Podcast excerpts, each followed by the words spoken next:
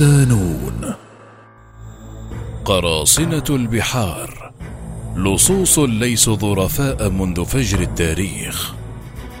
مقال لأحمد فوزي سالم. ضمن ملف قصة القرصنة. على مدار التاريخ الطويل للقراصنة يشار إليهم في أي تعريف بأنهم لصوص البحر الذين يصطادون السفن ويسلبونها بضائعها بل وكانوا يستولون أحيانا عليها لأغراضهم الخاصة. هذا التاريخ بدأ منذ أكثر من ألفي سنة في اليونان القديمة وكان القراصنة آنذاك يهددون طرق التجارة ويهاجمون السفن الرومانية ويستولون على شحناتها. وكما أسلفنا في مقدمة الملف ازدهرت القرصنة في شكلها البحري بين القرنين السابع والثامن عشر وسمي بالعصر الذهبي. ولكن ماذا عن شكل القرصنة في البحر؟ وكيف تعاملت الدول مع القراصنة سواء في استغلالهم؟ أم لحظات الانتقام منهم؟ كل شيء مباح. عند ذكر كلمة القرصنة يتبادر إلى الذهن الآن دول العالم الثالث وخاصة الصومال وإندونيسيا وهي الدول التي ارتبطت في الأذهان مؤخرا بتنامي ظاهرة القرصنة على حدودها وسرقة السياح والسفن. ولكن سلف هذه الظاهرة بشكل واضح وتسمينها يتحمل مسؤوليته العالم أجمع. من بداية ظهورها في القرن الخامس قبل الميلاد وانتقالها للاستقرار على شواطئ الخليج العربي. بالإضافة إلى سواحل البحرين الأبيض المتوسط وبحر الصين مرورا بتسللهم عبر الأزمان المختلفة وإعاقتهم للتجارة البحرية منذ نشأتها الأولى. تطور الموقف العالمي من القرصنة وتنوع بشدة بين الدعم والمهادنة والانتقام. وأبرز هذه النماذج جسدها هنري الثامن ملك إنجلترا التاريخي ومن بعده الملكة إليزابيث الأولى وبعض ملوك الغرب الذين شاركوا القراصنة مسروقاتهم وغنائمهم ووظفوهم كوكلاء لهم في جلب العبيد الأفارقة وشحنهم إلى منطقة بحر الكاريبي التي اكتظت بالأفارقة بفضل القراصنة في المقام الأول. بين القرنين السادس عشر والثامن عشر تنافست الحكومات الغربية في إصدار خطابات ملكية ترخص للقراصنة نهب السفن، ما كان يحول دون اتهامهم بالقرصنة، وهي جريمة عاقب عليها العالم بالإعدام بكل صنوف العذاب. وكان فرانسيس ديريك قائد الأسطول الإنجليزي وأشهر شخصية في إنجلترا بالقرن السادس الميلادي، الذي بدأ كتاجر رقيق يهاجم سفن الكنز الإسبانية العائدة من العالم الجديد، ثم يتقاسم الأرباح مع الملكة إليزابيث الأولى. في البحر الأبيض المتوسط، ومن القرن السادس عشر إلى القرن التاسع عشر، نشط أيضا الكثير من قراصنة البربر المسلمين، وخاصة على سواحل دول شمال إفريقيا مثل الجزائر وتونس وليبيا والمغرب.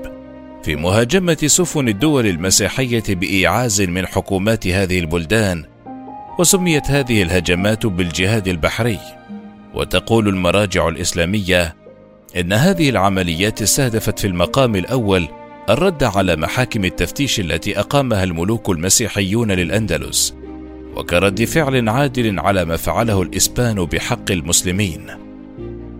سفن القراصنة عبر التاريخ كان القراصنة على مدار تاريخهم يحتاجون إلى سفن سريعة وقوية للتنقل في المياه الساحلية والاختباء في الخلجان والمداخل المعزولة، ولهذا في القرنين السابع عشر والثامن عشر استخدم القراصنة القوادس الطويلة والضيقة مع الشراع، ما كان يسرع من حركة المراكب، فكل مجداف يديره ما يصل إلى ستة عبيد يتم تقييدهم في المقاعد للحصول على أقصى قوة دفع ممكن.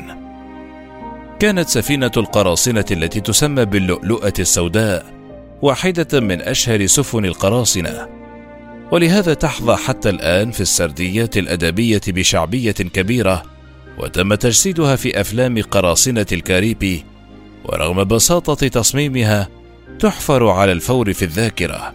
لهيكلها الأسود والأشرعة المتعددة التي تداعب الهواء على متن السفينة. ولهذا عندما ظهرت في نسختها الأولى عرفت باسم الساحرة الشريرة. ولكن بعد حرقها وإعادة إصلاحها جرى إعادة تسميتها مع تغيير بعض تفاصيلها. أما سفينه جولي روجر فهي إحدى السفن الهجومية التي استخدمت خلال أوائل القرن الثامن عشر ولحقت بالجزء الأخير من العصر الذهبي للقرصنة واسم جولي روجر نفسه يشير إلى الأعلام التي ترفع في حالة الهجوم على الهدف. وكانت تستخدم الجمجمة والعظمتين المتقاطعتين شعارا لها وكرمز للإرهاب في أعالي البحار.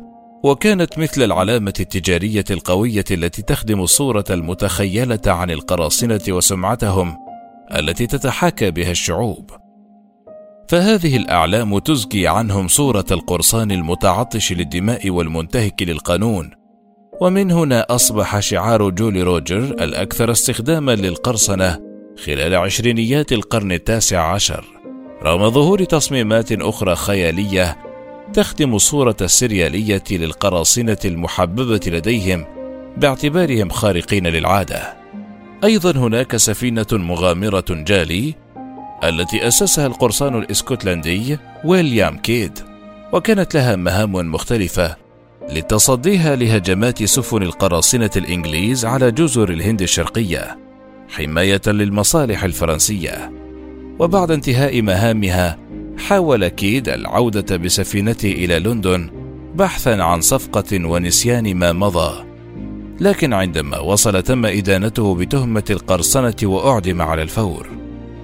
أما سفينة القراصنة الأكثر شهرة فتسمى انتقام الملكة آن وكانت تسمى في الأصل كونكورد واستولى عليها القراصنة الإنجليز وهي بالأصل سفينة للرقيق ملكها الفرنسيون وكانت قادرة على التحرك والإبحار بسرعة وانتهت أسطورتها بشكل مؤسف حيث دهمتها خمس سفن تجارية أمريكية وتم التضييق عليها من كل اتجاه حتى تقطعت بها. فانحرفت إلى الشاطئ وغرزت في الرمال وهرب أفراد الطاقم إلى جزيرة صغيرة. استسلم الطاقم وحصلوا على عفو ملكي من الحاكم تشارلز إيدن زعيم ولاية نورث كارولينا ولكن بلاك بيرد قائد السفينة عاد من جديد إلى القرصنة بعدما استشعر عدم جدوى حياته الجديدة. وقتل بعد عام واحد وتحديدا عام 1718 العقوبة الرسمية لقراصنة البحر. كانت العقوبة الرسمية للقرصنة هي الموت شنقا وأمام قطاع حاشد من الناس.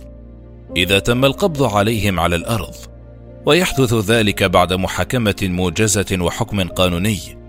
ولكن إذا هاجم القراصنة سفينة وكان هجومهم عنيفا وتم القبض عليهم وسط البحر أمكن إعدامهم دون محاكمة بموجب قانون البحرية وغالبا ما تم تشويه جثث القراصنة الذين أعدموا اتبعت بعض الدول في القرون الوسطى عقوبات قاسية للغاية بحق القراصنة، فكان يتم تصفيتهم دون أن يتم التخلص من الجثة لوضعها في قفص حديدي ومنع الأقارب من دفنها. وأحيانا كانت تترك الجثث على هذا الوضع لسنوات عدة، ولهذا كان القراصنة يخشون هذه العقوبات أكثر من الشنق. وأبرز من قتلوا ومثل بأجسادهم القرصان ويليام كيد الذي علق جسده لمدة ثلاث سنوات ووضع في مصب نهر التايمز كفزاعة للبحارة والقراصنة وقطعت رأسه وعلقت وسط ساحة سفينة القراصنة الشهيرة HMS بيرل انتهت القرصنة المنظمة في القرن التاسع عشر بسبب هجمات السفن الحربية الهولندية التي كانت تقوم بدوريات في جنوب شرق آسيا كما هاجمت البحرية البريطانية القراصنة في بحار جنوب الصين.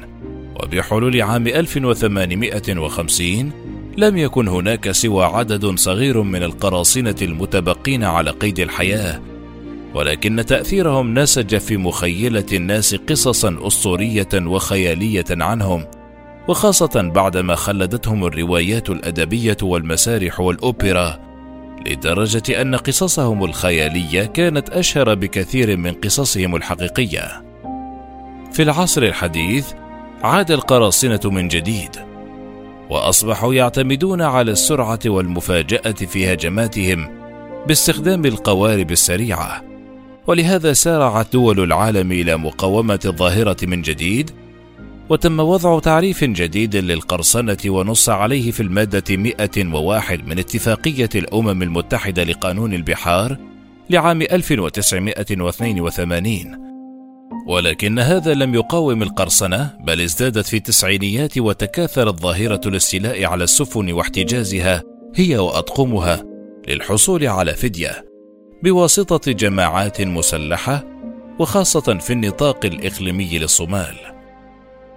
هذا النشاط أثار الكثير من المخاوف على الملاحة القادمه إلى خليج عدن مرورا بالمنطقة الضيقة بين القرن الإفريقي وشبه الجزيرة العربية خاصة مع تطور أساليب القرصنة ومهاجمة السفن لمسافة كبيرة من الساحل. وبعض الدول كانت تتفاوض معهم سرا وتنجح في الحصول على السفن وأطقمها مقابل مبالغ كبيرة من المال كفدية ورصد بعضا من ذلك دراسة للبنك الدولي أكد فيها حصول القراصنة على أكثر من 400 مليون دولار على سبيل الفدية ما بين أعوام 2005 و2012 فقط. الأمر الذي أثار القلق في جميع دول العالم، ولهذا ربط مجلس الأمن بين أنشطة القراصنة قبالة سواحل الصومال على وجه التحديد، ومفهوم تهديد السلم والأمن الدوليين. قواعد الاشتباك مع القراصنة بالعصر الحديث ينظم القانون الدولي كيفية الاشتباك مع سفن القراصنة ويعطي سلطة لجميع الدول بموجب اتفاقية الأمم المتحدة لقانون البحار باستخدام القوة وجميع الوسائل اللازمة لقمع أعمال القرصنة والسطو المسلح ومصطلح كل الوسائل الضرورية يعني استخدام القوة بكل أشكالها وألوانها. لكن القانون الإنساني الدولي يضع بعض الضوابط ويرفض استهدافهم إلا في حالة الدفاع عن النفس الفوري. يحدد القانون آليات استخدام القوة ضد القراصنة. ويطالب بأن تكون معقولة وضرورية وتتناسب مع احترام حقوق الإنسان للأشخاص. ولهذا تعتبر الكثير من الدول أن قانون أعالي البحار على وجه التحديد في حاجة إلى تعديل.